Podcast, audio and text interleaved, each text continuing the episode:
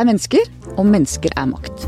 Den som til å reflektere over religionens plass over meningen med livet i en urolig og fragmentert tid, må sies å ha en form for makt. Musiker, artist og tidligere sykehusprest Bjørn Eidsvåg, velkommen hit. Tusen hjertelig takk. I likhet med mange andre kunstnere mener du mye godt, men slipper å ta ansvar når ulike interesser står mot hverandre i den virkelige verden. Det skal vi komme tilbake til.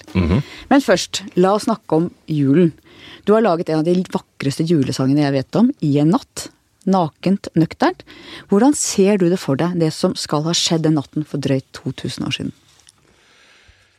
Jeg ser det for meg sånn som jeg beskriver i den sangen. Altså, jeg, jeg kjøper alle de romantiske, litt sentimentale bildene av dette her, med det lille barnet. Eller den familien som ikke finner husly og må ty til en, et lite fjøs ute på marken, og der blir dette Der blir selveste Gud født, på et vis. Det syns jeg er en kul historie. Altså, det jeg, jeg, jeg, er svak for det at når Gud først skal gjøre seg til kjenne for menneskene, så gjør han det i såpass ynkelige, under såpass ynkelige kår, da, så enkelt. Og så er det gjeterne som først får greie på det, og så Ja, For det er jo egentlig vår tids løsarbeidere, ikke sant? Hva forteller Ja. det oss? Nei, hva disse har Sannsynligheten er veldig stor for at eh, de som har forfatta disse eh, fødselshistoriene om Jesus, da, de har jo de prøver jo innstendig og inderlig på og, og intenst på å få Jesus til å klaffe med profetier fra Gammeltestamentet, altså at han skal være eh, Messias. Så det er vel her gjeterne nå øh, De kommer før kongen. De kommer Kongene. før kongen. Det er liksom det, det vanlige folket, og det er de som eh, Ja. Jeg, jeg veit ikke helt hva det skal bety, men i, i min verden så betyr det iallfall noe vakkert. At det er, eh, det er ikke de øverst på rangstien som inviteres inn først, men det er de som er der ute på marken. Og så har vi Maria, barnemoren. Ung jente. Fortell om henne. Det er jo litt av en skjebne hun fikk. Ja, det er litt av en skjebne hun fikk, og, og det er jo øh, Jeg skjønner på en måte at katolikkene har opphøyet henne til en slags semi- semigud, da. Eh, Fordi at kirka har trengt en sånn kvinneskikkelse helt tydelig. Og, og dette er da altså en 15-16-åring som blir gravid, og som, som føder Jesus. Eh, Og, og så har vi dette med eh, jomfrufødsel eller ikke. Men det har iallfall vært viktig for de som har skrevet historien, å få Jesus til å bli Altså til å bli både menneske og ikke-menneske, altså av gudelighet. Og for å få til den gudeligheten i Jesus, så fant de opp, vil jeg si da. Altså Så laga de historien om jomfrufødsel, at hun var ubesudlet. Men den, den, det er vanskelig Du tror ikke helt på det? Nei, altså jeg tror jo ikke på Det, det er vanskelig i det hele tatt å putte disse historiene, disse bibelske historiene inn i, inn i rasjonaliteten. Altså inn i det som eh, grekerne kalte for logos. Grekerne opererte med to måter å forstå verden på. Mytos i den eventyr-fabelaktige verden, og så var det logos. Og disse to hang sammen. Og jeg mener jo at disse historiene han, de, de må plasseres i mytos. Altså Det må plasseres som historier som skal fortelle oss noe om hvordan vi kan leve våre liv, og hva vi kan håpe på og tro på og sånne ting. Det er ikke Altså, Maria fødte flere barn enn Jesus, Eh, så sannsynligheten er liten for at hun eh, var en jomfru. Men det er jo også noen veldig sånn håndfaste ting i historien. For eksempel, jeg har jo født tre barn sjøl. Det var møkkete, det var nøkternt, Ja. det var ingen jordmor. Nei. Ung jente føder første barnet sitt. Det er en ganske rå og brutal historie også, sett fra et morsperspektiv, da. Ja, definitivt. Altså det er, vi har romantisert noe som sannsynligvis var øh, ganske så krevende og utfordrende for alle de involverte. Og tenk på stakkars Josef, da. Nemlig. ikke sant? Han er- jo egentlig helten i Han denne er på mange måter helten, også i min verden, når jeg hører denne historien. Vi har en sånn tradisjon vi har hatt alltid. Det begynte jo, det, kanskje alle har det, eller så mange har det. Det begynte fra mitt eget hjem og fra min kones hjem at ved julemiddagen så skal juleevangeliet leses. Selv om man har hørt det atskillige ganger før på dagen i kirka eller på skolen eller hvor det måtte være. Min så, gamle far leser også alltid juleevangeliet. Ja, det er nok en tradisjon vi ryfylkinger har, vil jeg tro. Eh, og det er jo altså, barna våre, som jo er et helt annet sted. Eh, det blir ikke jul før det blir gjort. Og da er det Jeg tror vi alle har litt sånn ulike helter i den historien. Men det er en vakker historie. Han bar jo skammen, ikke sant, og sto hos henne. Kjæresten hans ble gravid. Ja. Eh, Nordahl Grieg har et fantastisk dikt om Josef. Jeg vet ikke om du lest, har lest det? Jeg har helt sikkert lest det, men... Og siste strofen er, han står, Josef står og synger og er kjempeglad, og så kommer Maria og forteller han dette, og så bare avsluttes det, men Josef sang ikke mer. Nei. Jeg syns det er så vakkert. Ja. Ole Paus har vel òg laga en, en ganske ja, fin historie. Ja. ja. Du har også laget en hel forestilling om Jesus, og du har lest enormt mye om ham. Hvordan, hvordan ser du han? Utgangspunktet for å, å, lage denne forestillingen var jo at, at jeg er sterkt grepet av han. Har vært det siden jeg var guttunge. Han, eh, han har jo forandra karakter for deg ja, definitivt. i ulike stadier i livet ditt. Helt, helt riktig, men samtidig så er, så er, det sånn Da jeg jobba med Etterlyst Jesus, så, så, fant jeg ut at den Jesus jeg egentlig leiter etter, er han holdt på å si, er min første kjærlighet. Altså er den første Jesus som jeg møtte, som gjorde sterkt inntrykk. Og det handla For meg var det Det var ikke bare om å bli tatt vare på og ha en bestevenn eller ha en slags storebror, men det, men det var i stor grad dette at, at Jesus brukte Eh, eh,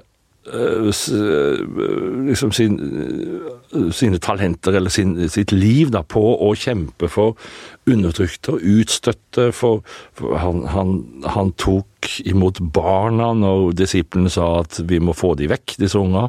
Sterk historie for en liten guttunge å høre. Um, han, han vingla opp med fariseerne, prestene, fordi at de lagde regler og forskrifter som sto i veien for kjærligheten. Alt dette gjorde veldig inntrykk på en sju, åtte, ni tiåring, hva det måtte være.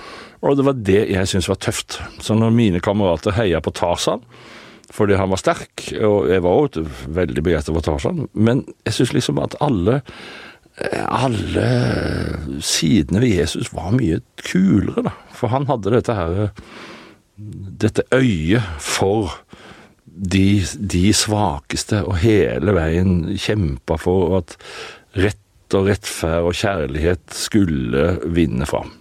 Og hvor hadde han definitivt gått i dag, og hvor hadde han definitivt ikke gått i dag? Nei, det syns jeg er vanskelig å, å si, for det kan være han hadde gått steder som, vi ikke, som, som, jeg ikke hadde likt at han gikk. Sannsynligvis hadde han gjort det. Um, han burde ha gjort det, kanskje? Han burde kanskje ha gjort det, definitivt.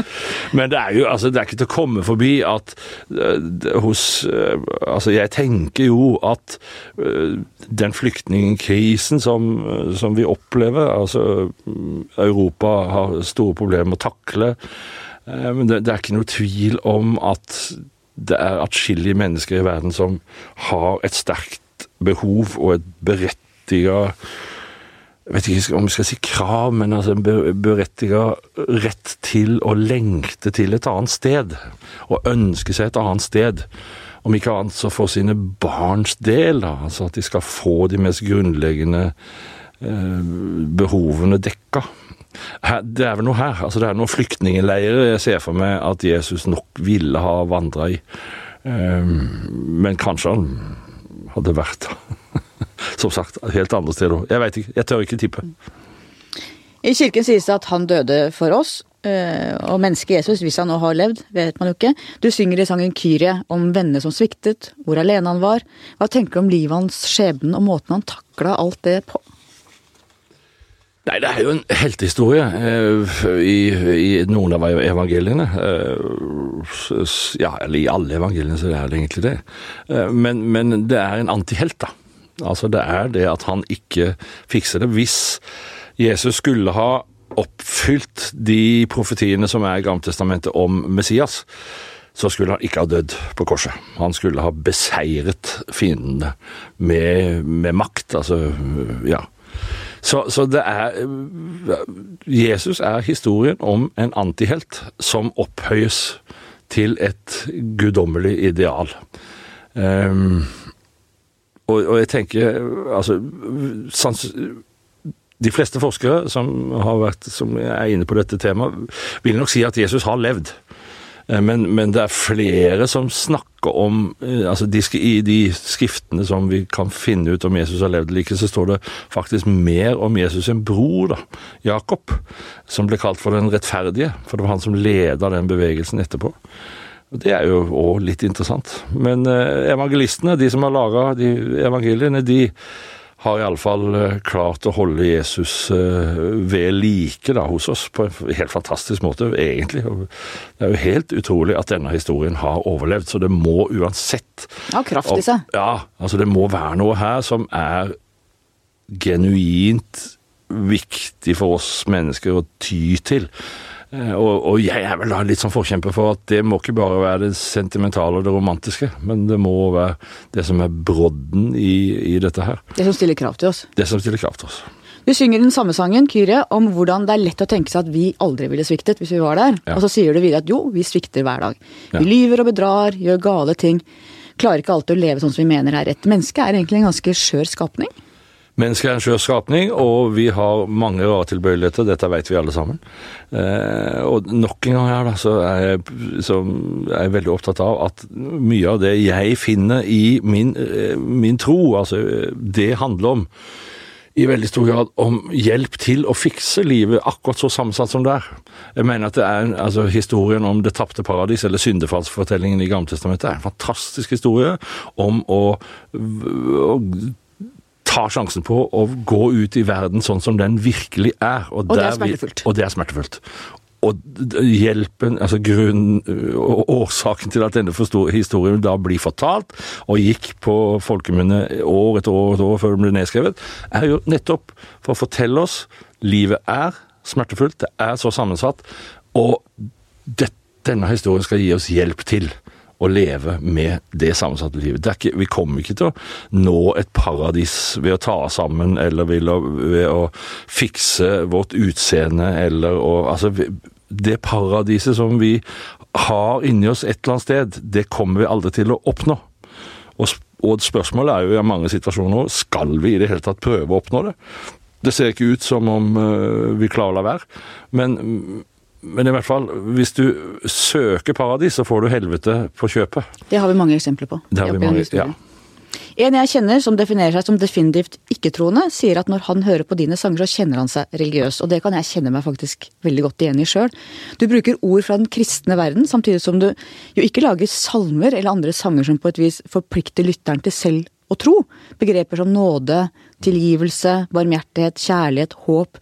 Hvor mye av presten i deg bruker du når du skriver tekstene dine? Ja, det er et gøyalt spørsmål. Fordi at jeg har jo tidvis tenkt at jeg har ikke lyst til å være prest. altså Jeg har ikke, jeg har, ikke lyst til å ha med den. Jeg, jeg, fikk jo, Det var jo en VG-journalist, Kurt salige Kurt Bakkemoen, som kom og besøkte meg da jeg begynte på Lia sykehus som prest i begynnelsen av 80-tallet.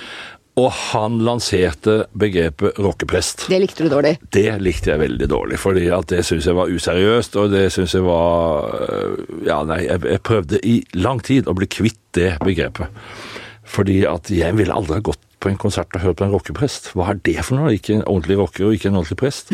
Så, så det, det, likte jeg ikke. Men, men, jeg har jo etter hvert blitt mye langt mer avslappa på akkurat det der, og i dag syns jeg det er helt greit. altså folk, Og jeg er òg mer avslappa til at jeg er prest. da. Men, altså, Jeg fungerer jo ikke som prest. Jeg har fungert som prest i åtte år på, på Lie, psykisk, Lie psykiatrisk sykehus, som det den gang het. Eh, men, men, jeg har noen venner, prestevenner, som, som er på meg hele tida når jeg kritiserer kirken og sånne ting.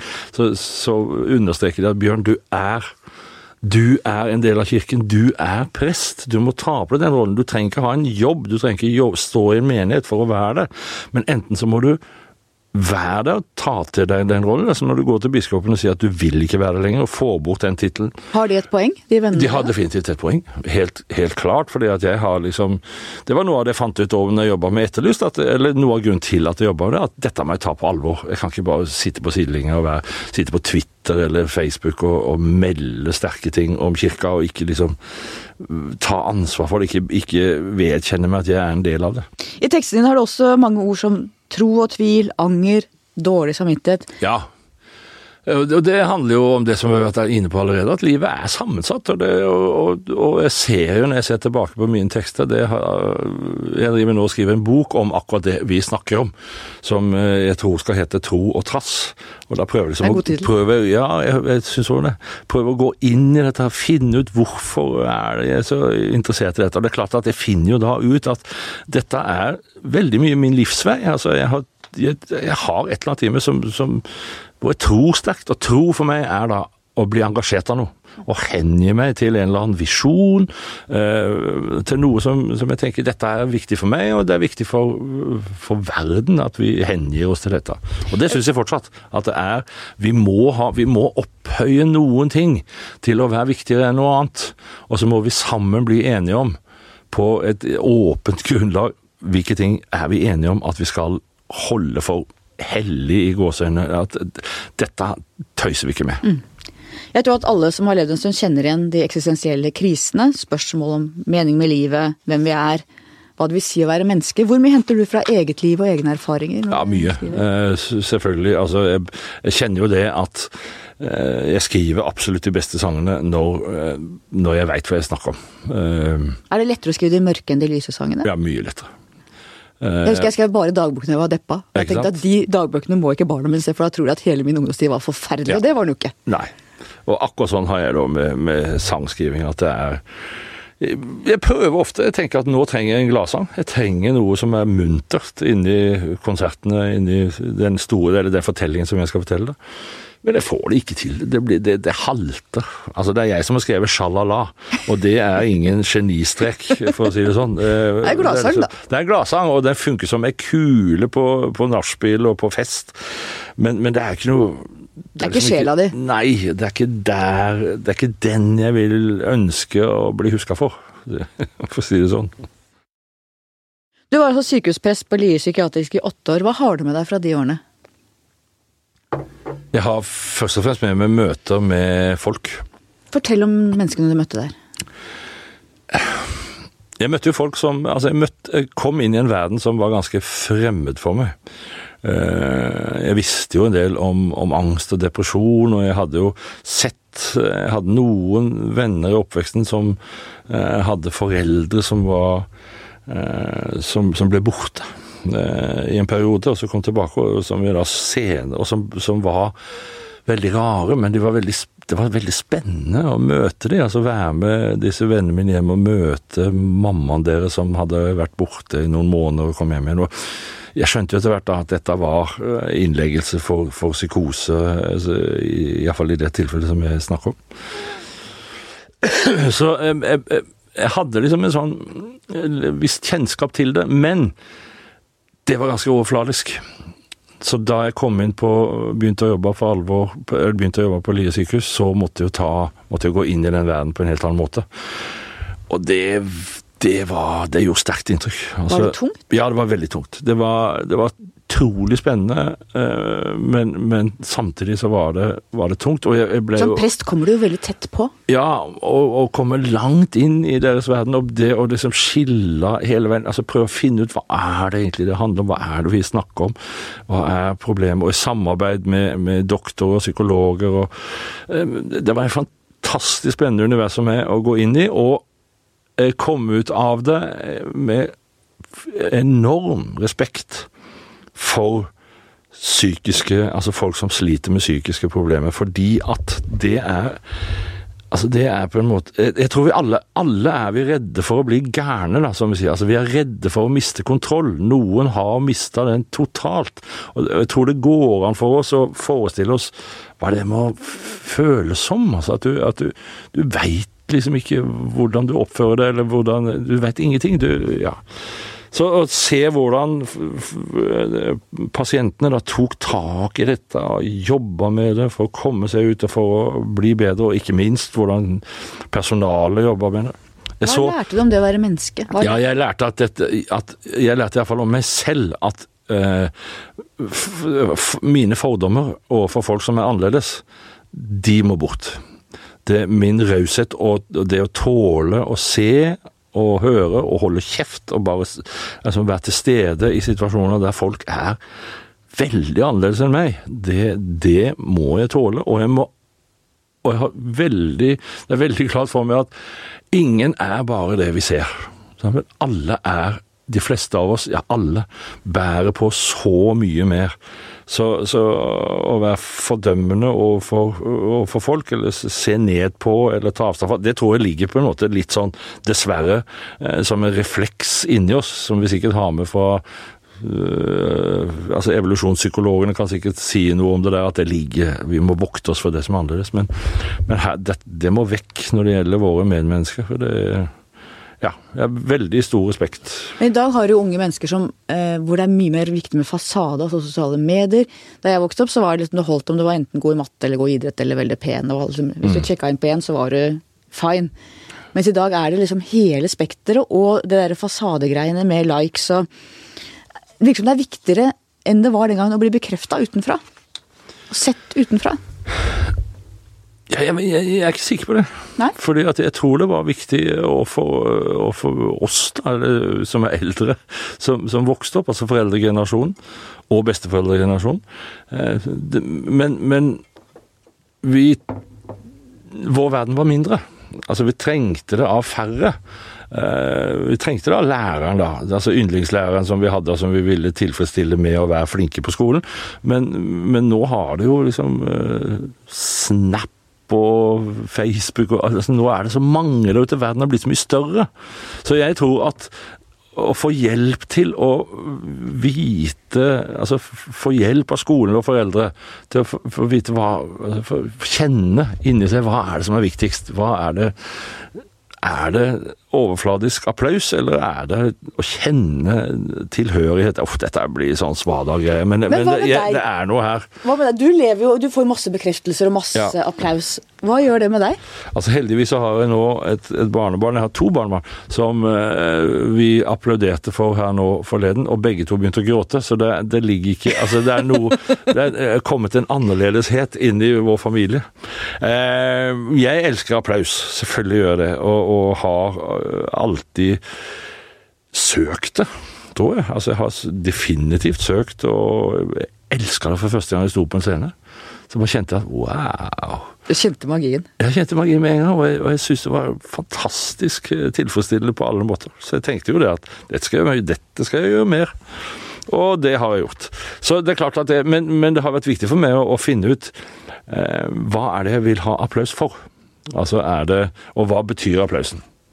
Eh, og det har jeg jo eh, tidligere, i, altså i begynnelsen av min karriere, eller ja, tidligere, så, altså, så trodde jeg jo så klarte jeg vel ikke helt å, å, å, skille mellom prestasjonen min og låtskrivinga og meg som person. Eh, men det har jeg etter hvert jobba ganske hardt med å skille fra hverandre. Så når folk, når folk sender lange brev til meg eller meldinger og sånne ting om hvor fantastisk jeg er, eh, som har skrevet 'Jeg ser', som har betydd så mye for dem, så klarer jeg nå å skille Så klarer jeg nå på en måte å si til meg sjøl at det de mener, er hvor fantastisk 'Jeg ser'-sangen er. Det er ikke jeg som er det. Se kunsten, ikke kunstneren. Ja. Du har vokst opp i bedehusmiljøet på Vestlandet, i Sauda. Fortell ja. om oppveksten din. Ah, strålende oppvekst jo mer altså, Som sagt, jeg skriver opp en bok om som på en måte er en slags trosbiografi. da. Og da har jeg måttet gå inn igjen i, i Sauda og oppveksten min. Og det er så gøy. Altså, det er Man husker så mye. Det er en øvelse som jeg, som jeg tenker Som jeg unner mange sette seg ned, og i alle fall hvis man har en noenlunde fin opp, oppvekst. da. Hvis det er hyggelig å gå tilbake? Hvis det er hyggelig å gå tilbake. Eh, så, så jeg syns at når jeg nå har vært en solid tur hjemom, gjennom min oppvekst, så, så sitter jeg igjen med stort sett utrolig gøyale minner. Og, både, og det gjelder også for bedehuset. Noen tror at jeg er ute av disse bedehuset. Det er jeg ikke. Altså, disse ikke bedehuset i det hele tatt, men det er disse ideologien til bedehuset og teologien. Det, det, men for min del å vokse opp der, det var Faren din, Einar, han var baker. Ja. Hva slags type var han? Han var en liten sprett. Uh, unnskyld, salige Einar. Altså, men han, altså, i forhold til meg så var han, uh, han var lav. han var en av 14 søsken som de ble kalt pålerter der de vokste opp, og det betydde at de var litt små av vekst. det tror jeg nok far sleit litt med. Han hadde litt sånn kompleks forhold til, og særlig da når eldstesønnen i en alder av 13-14 år raga mye høyere enn han.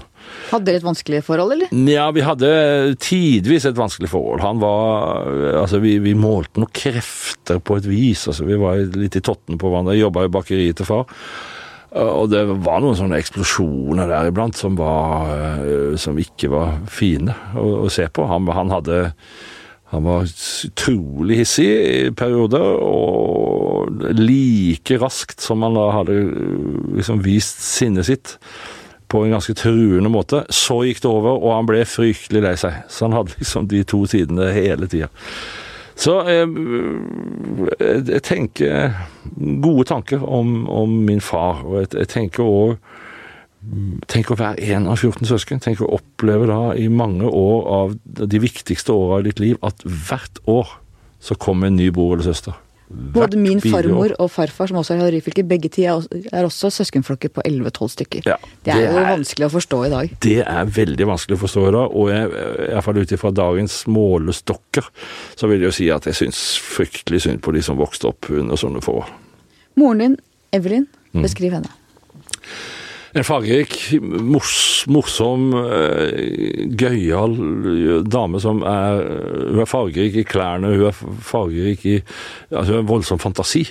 Um, fortalte historier da vi var barn som var utrolig kjekt å få komme inn i og være med på.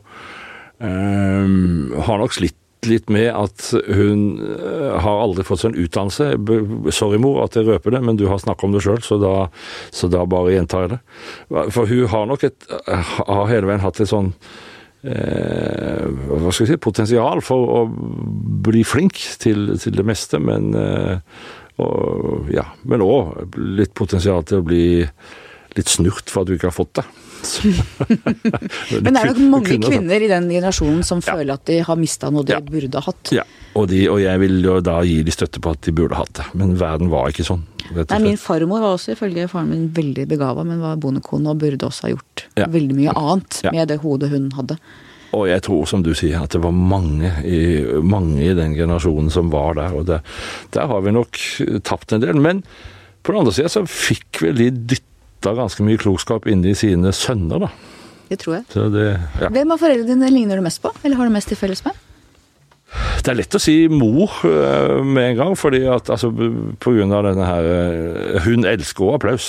Og hun reiser rundt, eller har iallfall reist rundt inntil nå, og holdt kåserier på, eh, på, på pensjonisttreff og Rotary-samling, altså sånne greier. Og gjør det med stor suksess. Så, så, det vil jeg nok si. Men samtidig Nå hørte jeg at en av mine sønner hadde beskrevet meg overfor en, en journalist da, som skulle gjøre bakgrunn. Og da, da, hadde han beskrevet meg som, som, som hissig. Altså at jeg hadde vært hissig iblant. Og det det tenkte jeg jøss, eh, det var noe som jeg tenkte da jeg vokste opp, eller da jeg skulle bli forelder sjøl, at jeg skal ikke ha med det der ukontrollerte sinnet som, som far hadde, da. Eh, men jeg må jo da innse at det har nok vært der. Uh, og, jeg skjønte jo det òg da, når, når, disse situasjonene kom, og det sinnet kom fram i meg.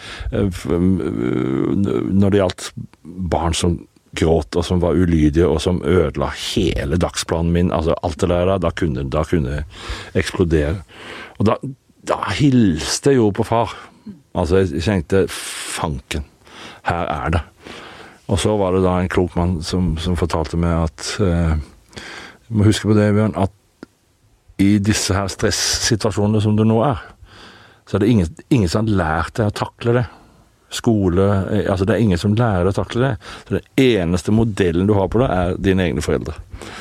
Og da måtte jeg begynne å ta litt tak i det og prøve å bearbeide de greiene ut ifra en sånn vinkel. Så, og det har hjulpet. Og det sa også min sønn til denne journalisten heldigvis, at pappa har blitt mye bedre. Og det er jeg glad for. Men jeg tror vi alle er prega av den barndommen vi har, på godt og vondt. Og hva er det viktigste du har med deg, tenker du, fra din barndom, som har gjort deg, vært med på å gjøre deg til den du er i dag? Ja, jeg tror at det er øh, vitaliteten i heimen. Altså at det var um, veldig åpent hus. Uh, utrolig rause foreldre med hensyn til å låne ut piano og stue. Og, altså, vi øvde der, og vi dro med oss mor og fars piano rundt omkring fra det ene spillestedet til det andre. og Det ble jo ustemt og ødelagt og fikk riper og alt, men ingen redsel for det. Eh, far hadde jo brødbil og sånne ting, det ble brukt til utstyrsbiler og sånn. Altså, det var en raushet, og det var en åpenhet overfor andre folk som var enorm, som var sjenerøst og flott. Det eh, er noe som jeg setter stor pris på.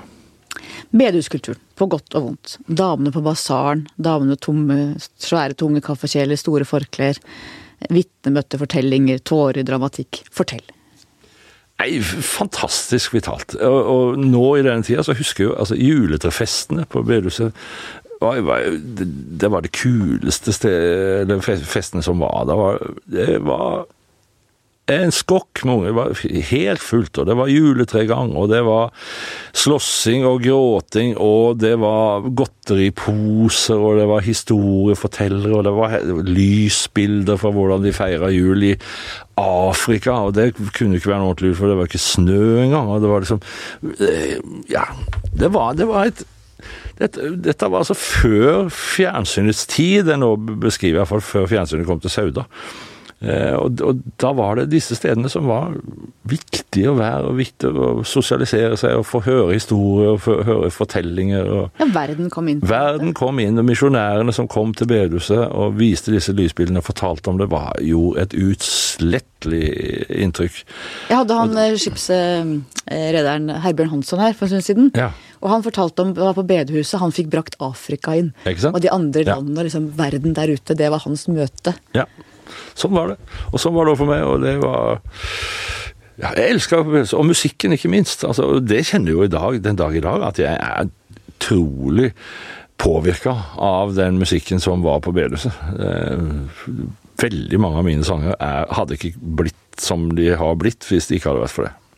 Jeg har jo som du veit eh, røtter på Finnøy på, i Dette Ryfylke. jeg. Ja, eh, jeg var på Finnøy og spilte nettopp. Ja, du var det? Ja, det, det er en stor del av min barndom. Ja, og der var det en som, var det en som tok imot oss, og, og som eh, liksom åpna lokalet og viste, viste oss fram på, på, Og så hører jeg min uh, medhjelper som reiser sammen med meg, da. Dette var en soloturné i Ryfylke.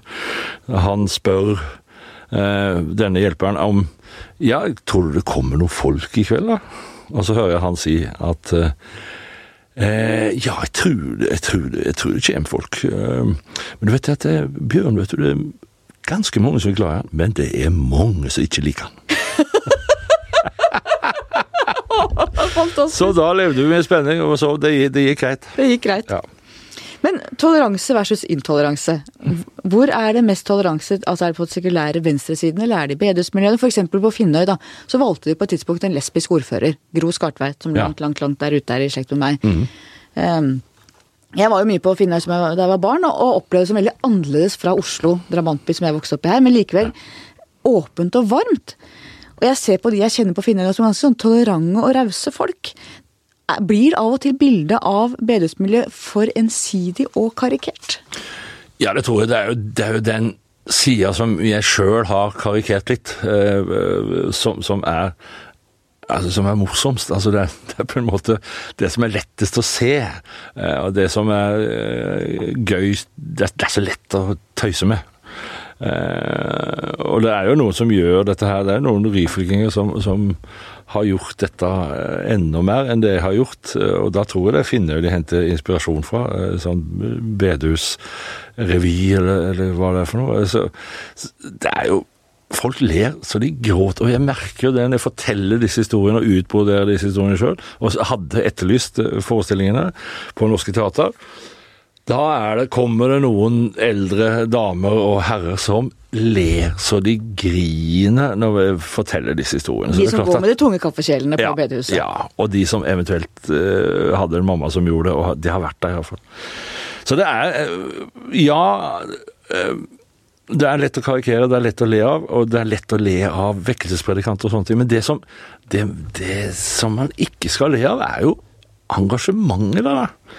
Altså det i det hele tatt å, tro på noe. Jeg, jeg har jo da vokst opp i Sauda, der jeg hadde bedehuset på den ene sida, som hadde dette voldsomme engasjementet for menneskets frelse, for kjærligheten og for nåden og barmhjertigheten, for Jesus. Det var liksom, det var ikke dette var snakk om liv og død. Det var ikke liksom sånn bare noen meninger du skulle ikle deg for å ha de, men det var snakk om liv og død. Og på den andre sida så var det Folkets hus, som der òg var det snakk om liv og død, på sett og vis. For det var liksom kjempa for arbeidernes sak, og, og, og rett til et verdig liv og god økonomi og ja. Ja, passion. Passion på begge, Begge steder. Og dette har jeg fått med meg fra, fra bygda mi. Men jeg har også sett faren min sin bibel fra ungdomsårene, da han tok sitt store oppgjør med troen. Det tror jeg ikke var en enkel sak, verken for ham eller for dem rundt han. Det er ganske tydelige rammer i sånne miljøer, og det er ikke så lett å bryte ut. Nei, og jeg tror at en av grunnene til at det ikke er så lett å bryte ut, er at det sitter så sterkt i oss. Det opplever jeg nå når jeg holder på med det prosjektet mitt. da, At, at jeg, jeg har Det er masse av dette jeg ikke har lyst til å miste. Eh, Og det, og det er mye av dette jeg Det er røttene dine, på en måte. Det er røttene, og det er noe sånn eh, Når de rives opp, så må iallfall være et eller annet som er litt klart til å ta over. Eh, Og det er vel den kanskje mest spennende del av den prosessen. At det, det er ikke sikkert at det er så fryktelig vanskelig å bryte ut, men det er veldig vanskelig å finne ut hva som skal inn på den plassen da, hos oss Fylle vakuumet. fylle vakuumet, ja, og det Men for meg er det da Jeg har, jeg har jo valgt å gjøre dette ut ifra eh, at eh, ting som diskriminerer og undertrykker, og som lager historier som gir noen mulighet for å undertrykke andre, eller å bestemme over andre, det må bort. Altså, jeg er der. Og så har jeg nok, så tar jeg med Jesus på det. altså, jeg lar, han, jeg lar han være forbilde også i det. For religionen gir jo mennesker idealer, noe å streke seg etter. Og hvor går skillet mellom å eh, ønske å gjøre det rette og snakke om å gjøre det rette, og på den ene siden, og ren moralisme på den andre siden?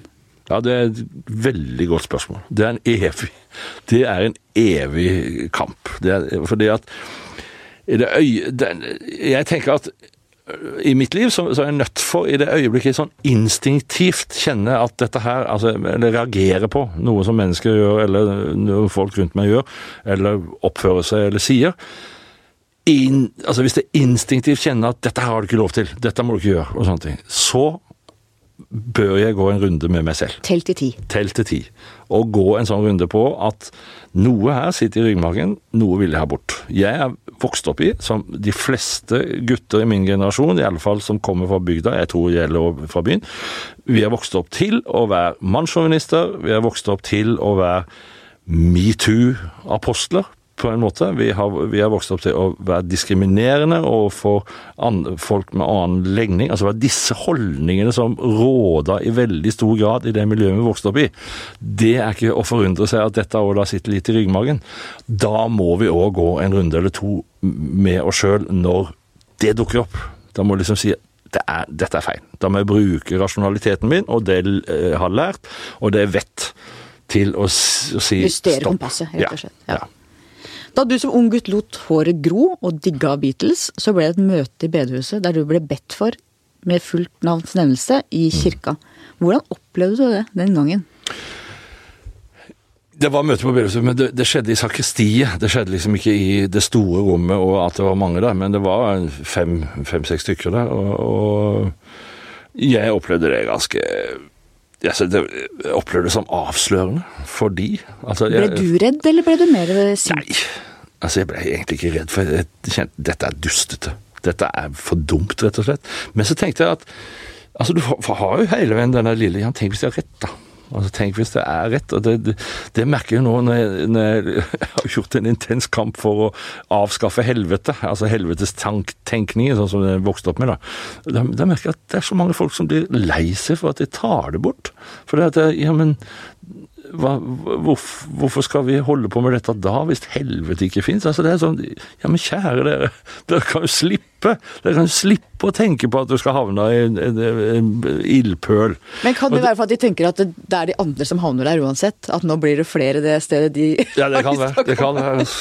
Men det er liksom det samme med det der med å, å, å få uh, ja, det, er vanskelig å gi slipp på ting som Det viser at det er vanskelig å gi slipp på også ting som, som skader oss, da, som gjør oss vondt. Det er, liksom, det er akkurat som vi må ha det med på et vis, og det, det ønsker jeg mindre av. Kanskje noen ønsker som disiplinerende at hvis ikke de tror helvete er der, så kommer de til å gå helt bananas? Ja. Det er nok det som i veldig stor grad har vært det. Men det husker den der bønneseansen, da. Det, noe av det som, jeg, som gjorde sterkest inntrykk på meg, og som, som var med på å få meg til å bestemme meg for at dette her er nok et miljø som jeg ikke vil ha for mye å gjøre med, og det var da Altså, Vi lå jo på kne og ba da dette skjedde, og jeg ble bedt for, og, og, og predikanten sa eh, Se i nåde Hjelp Bjørn til å komme seg vekk fra den brede vei og inn på den smale sti. La han skjønne at musikken han holder på med, eh, vil føre han til helvete. Eh, og en sånn formulering er gyselig for, forferdelig. Og så tenkte jeg at så, denne lille greien da, kanskje han har rett. Og så, spør jeg meg når vi reiser oss opp, så spør jeg han Men hva, hva skal jeg gjøre, da? Hva, hva råder du meg til å gjøre? Nå skal jeg liksom Og så sier han det har jeg ikke tid å snakke med deg om nå. Det, oh ja, det, han hadde ikke tid til å redde deg fra helvete? Nei. Og da var det sånn, for da skulle han videre på et eller annet. Da tenkte jeg greit. Dette, da er det ferdig snakka. Da er det ferdig snakka. Ja. Tilbake til kritiske kunstnere som er for alt det gode, men slipper å ta ansvar når ulike interesser står mot hverandre. Blir det for enkelt av og til? Ja. Uh, ja. Men det er vanskelig, da. Altså, det er fryktelig vanskelig. Jeg, jeg, jeg blir jo spurt, og det tipper gjelder langt flere enn meg, det vet jeg at det gjelder langt flere enn meg, om, om, å stille opp for veldig mye. Eh, og, og, mene noe om ting, og skrive under opprop og ja. Og, det, og, og jeg må jo si at det var lettere å gjøre det før. Da var jeg på en måte Overbevisningen lå nærmere. Men overbevisningen er ikke så nært lenger. Fordi synes... du ser at verden er mer komplisert, ja. eller fordi at du er blitt mindre engasjert emosjonelt? Nei, jeg, kanskje begge deler, men i hodet mitt så tenker jeg at ver, min, altså, verden har blitt mer komplisert. Jeg ser for, eksempel, mer, for eksempel asylpolitikken. Jeg har skrevet mm. veldig mye om asylpolitikk. Ja. Jeg syns det er utrolig komplisert. Ja. Vanskelige avveininger. Og så er det mange som går rundt til støtte for den eller den og er veldig engasjert rundt det. Ja. Eh, og det er lett å si at man skal ha rom til alle mennesker å ta imot, men den harde virkeligheten møter jo politikerne. Er de kyniske og slemme, eller er det sånn at det handler om forskjellige roller, at kunstnere på en måte har et privilegium med å kunne peke på urett uten å måtte ta ansvar? Ja. Var det mange spørsmål på en gang? Nei, ja, ja. Jeg skal prøve å sortere. Eh, men eh, til det siste, ja. Altså, for, en, for kunstnere er det lettere å, å si ting med store bokstaver og si det høyt, eh, fordi at vi slipper å, å ta ansvar for det. Eh, men så, så, kan man jo da se på, se på, dette her som et slags eh, samfunnsmessig sam, samspill. da.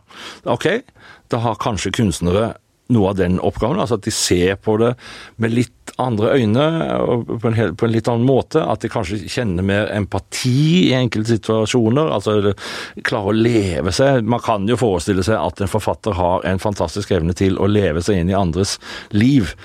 Så da er det kanskje verdt å høre på uh, dette, denne kunstneren som sier det.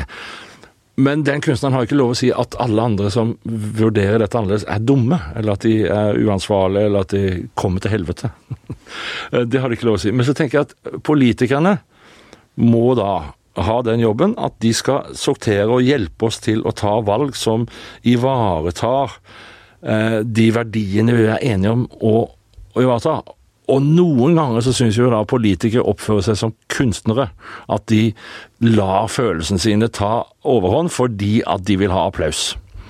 Og da er det er helt menneskelig, og det er veldig forståelig, men det er ikke bra politisk sett. Det er ikke bra for en politiker å bli styrt av følelsene sine, og jeg skjønner så godt at de gjør det, eh, men, men, men i prinsippet så er det ikke bra. Men hvis du ikke ta Det var kanskje feil sagt, det. Nei, Men ja, ja. hvis du skal ta, uten at du tenker partipolitikk, men hvis du tenker, er det én politiker gjennom hele norsk historie som du tenker er liksom den du ser som mest helstøpt, skikkelig, tar ansvar, eh, også når det koster er, Vil du ha utropt en politiker og tenkt at det er min mann eller kvinne?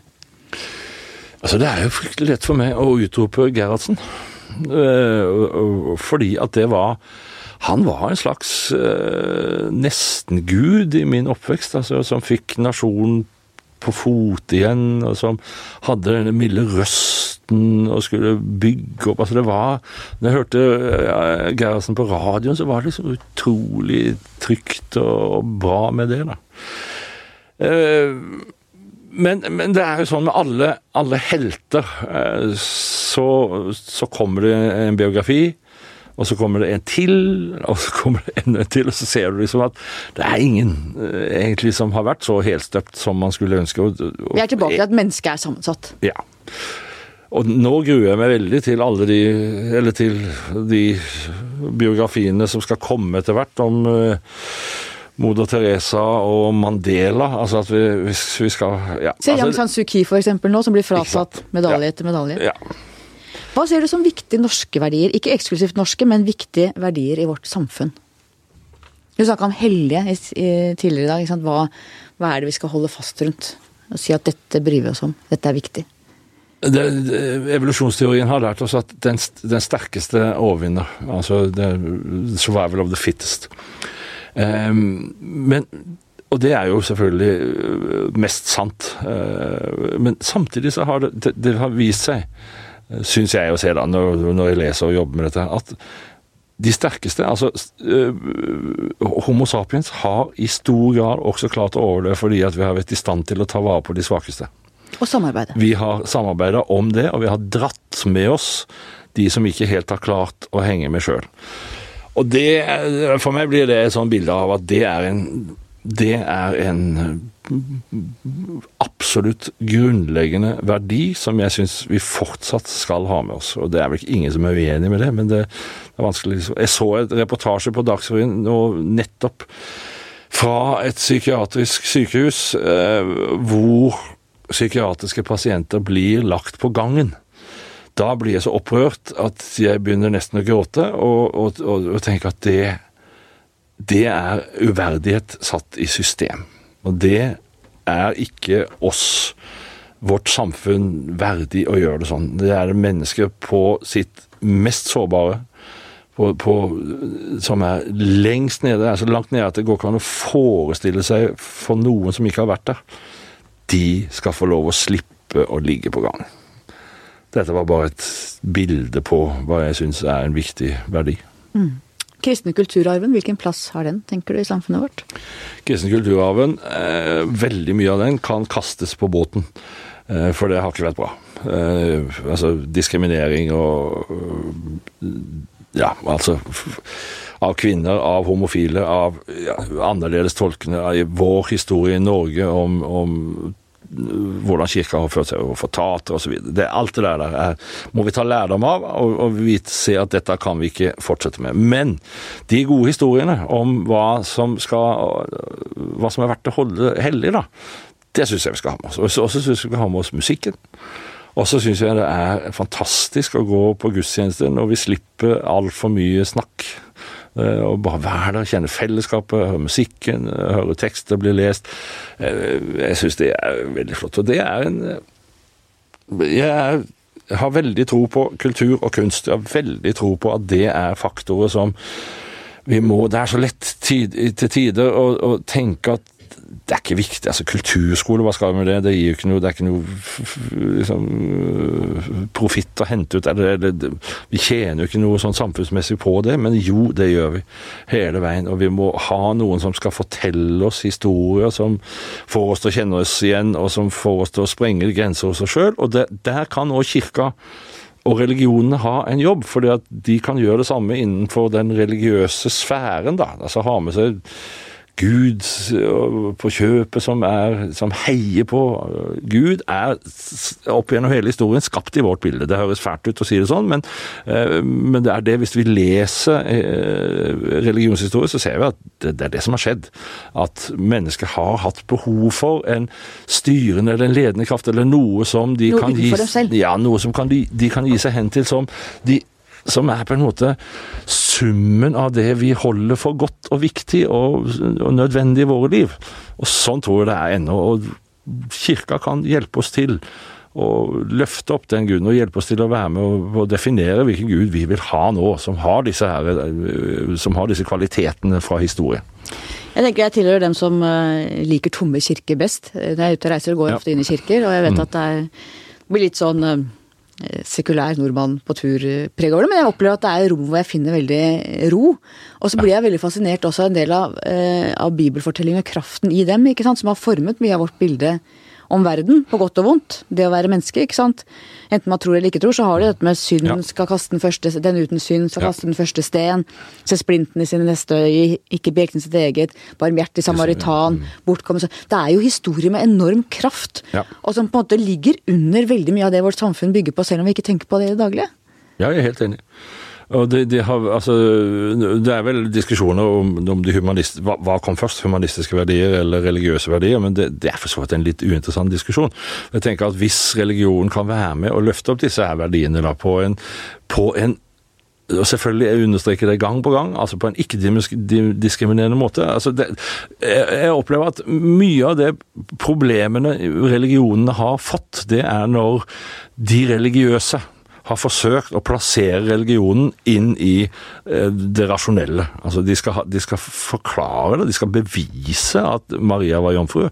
Eller de skal bevise at profeten er eh, bedre og, og, og sterkere enn alle andre på et vis. Det, det er ingen, altså, Hvorfor det?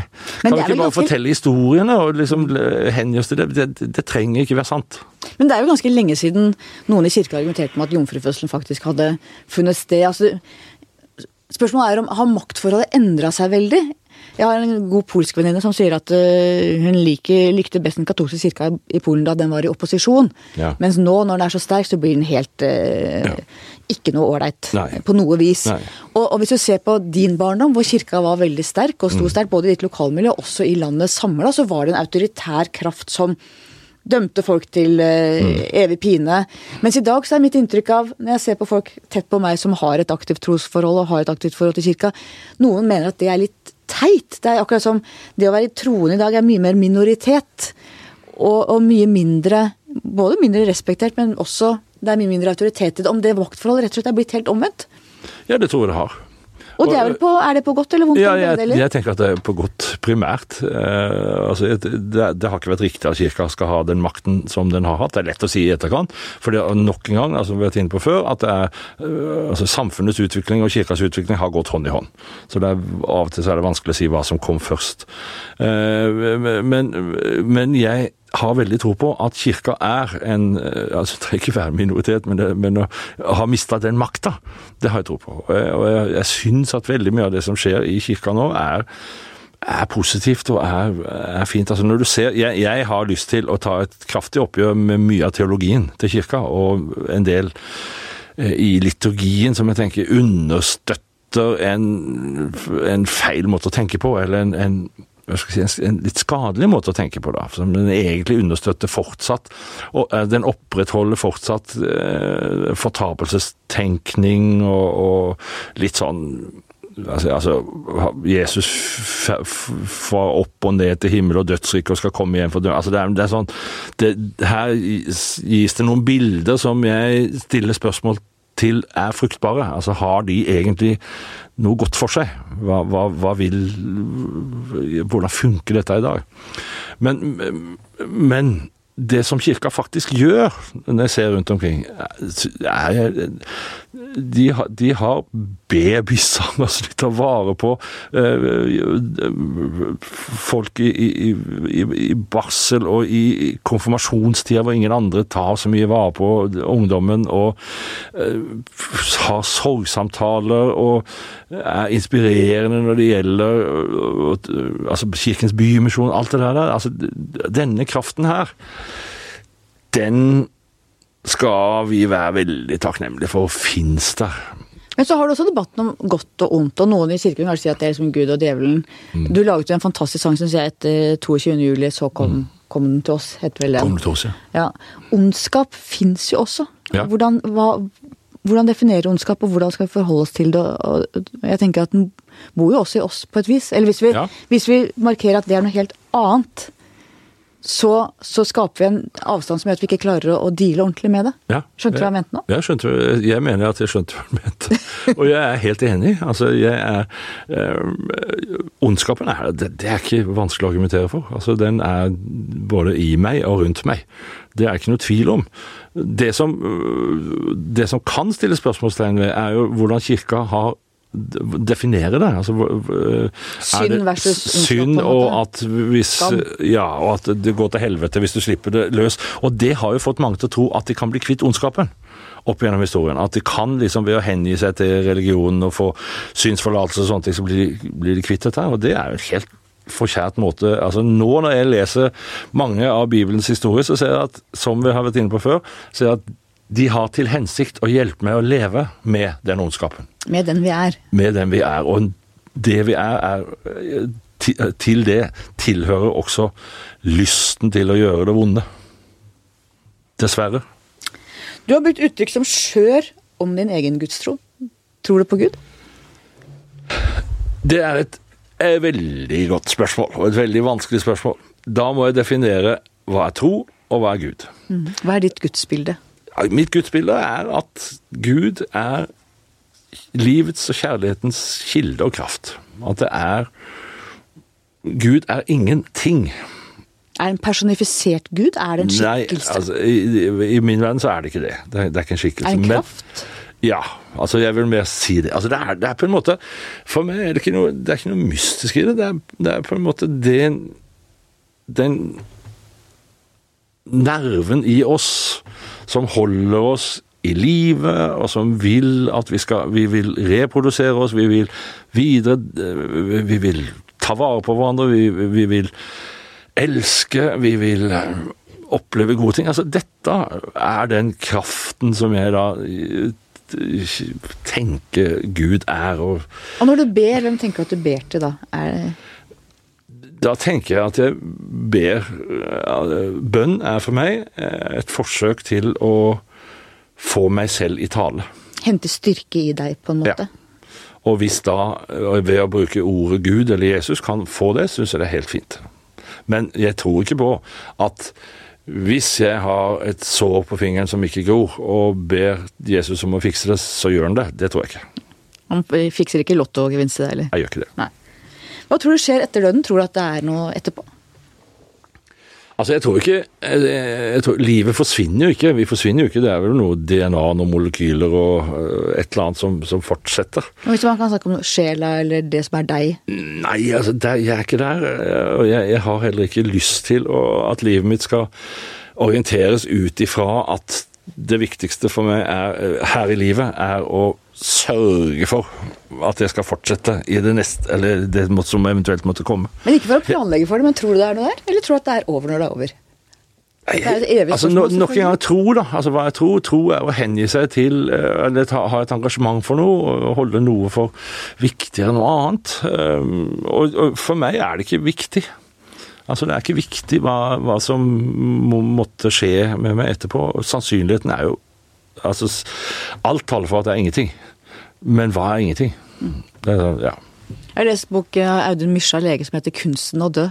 Ja. Det er en fantastisk bok hvor han også har snakka med folk som har vært omtrent døde og blitt gjenoppfriska Ja. igjen. Eller gjenopplivet igjen. Ja. Og det er fascinerende. Det er et mysterium. Vi opplever Det alle sammen. Vi kan aldri fortelle om det. Jeg leser nå jeg leser også en bok eh, av, av Jalom som he, altså, på, kunsten å se på solen, eller eh, i alle fall så handler det om dødsangst. Der sier han en ting som jeg ikke har tenkt på før, men som jeg kjenner det er nok riktig. For jeg opplever ikke at jeg har noe stor dødsangst. Eh, Men, men det er mye som tyder på at vi går alle rundt med dødsangst, enten vi vil eller ikke. Og så at ethvert mareritt er på en måte et lite signal om at dødsangsten er der. Og det, den, den kjøper jeg. Det må jeg tenke på, men jeg tror den treffer Ja. meg òg.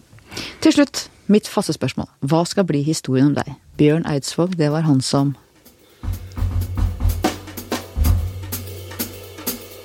Han som skrev 'Jeg ser', det tror jeg iallfall kommer til å Det kommer Den vel til blir å være. Ja, Jeg tror det. Ja. Og helt til slutt så må vi bare ønske lytterne god og gledelig jul. Og si tusen takk for at du kom. Takk for at jeg fikk komme. Takk til deg som hørte på. Takk til researcher Grete Ruud og til vår faste produsent Magne Antonsen. Vi høres igjen om litt.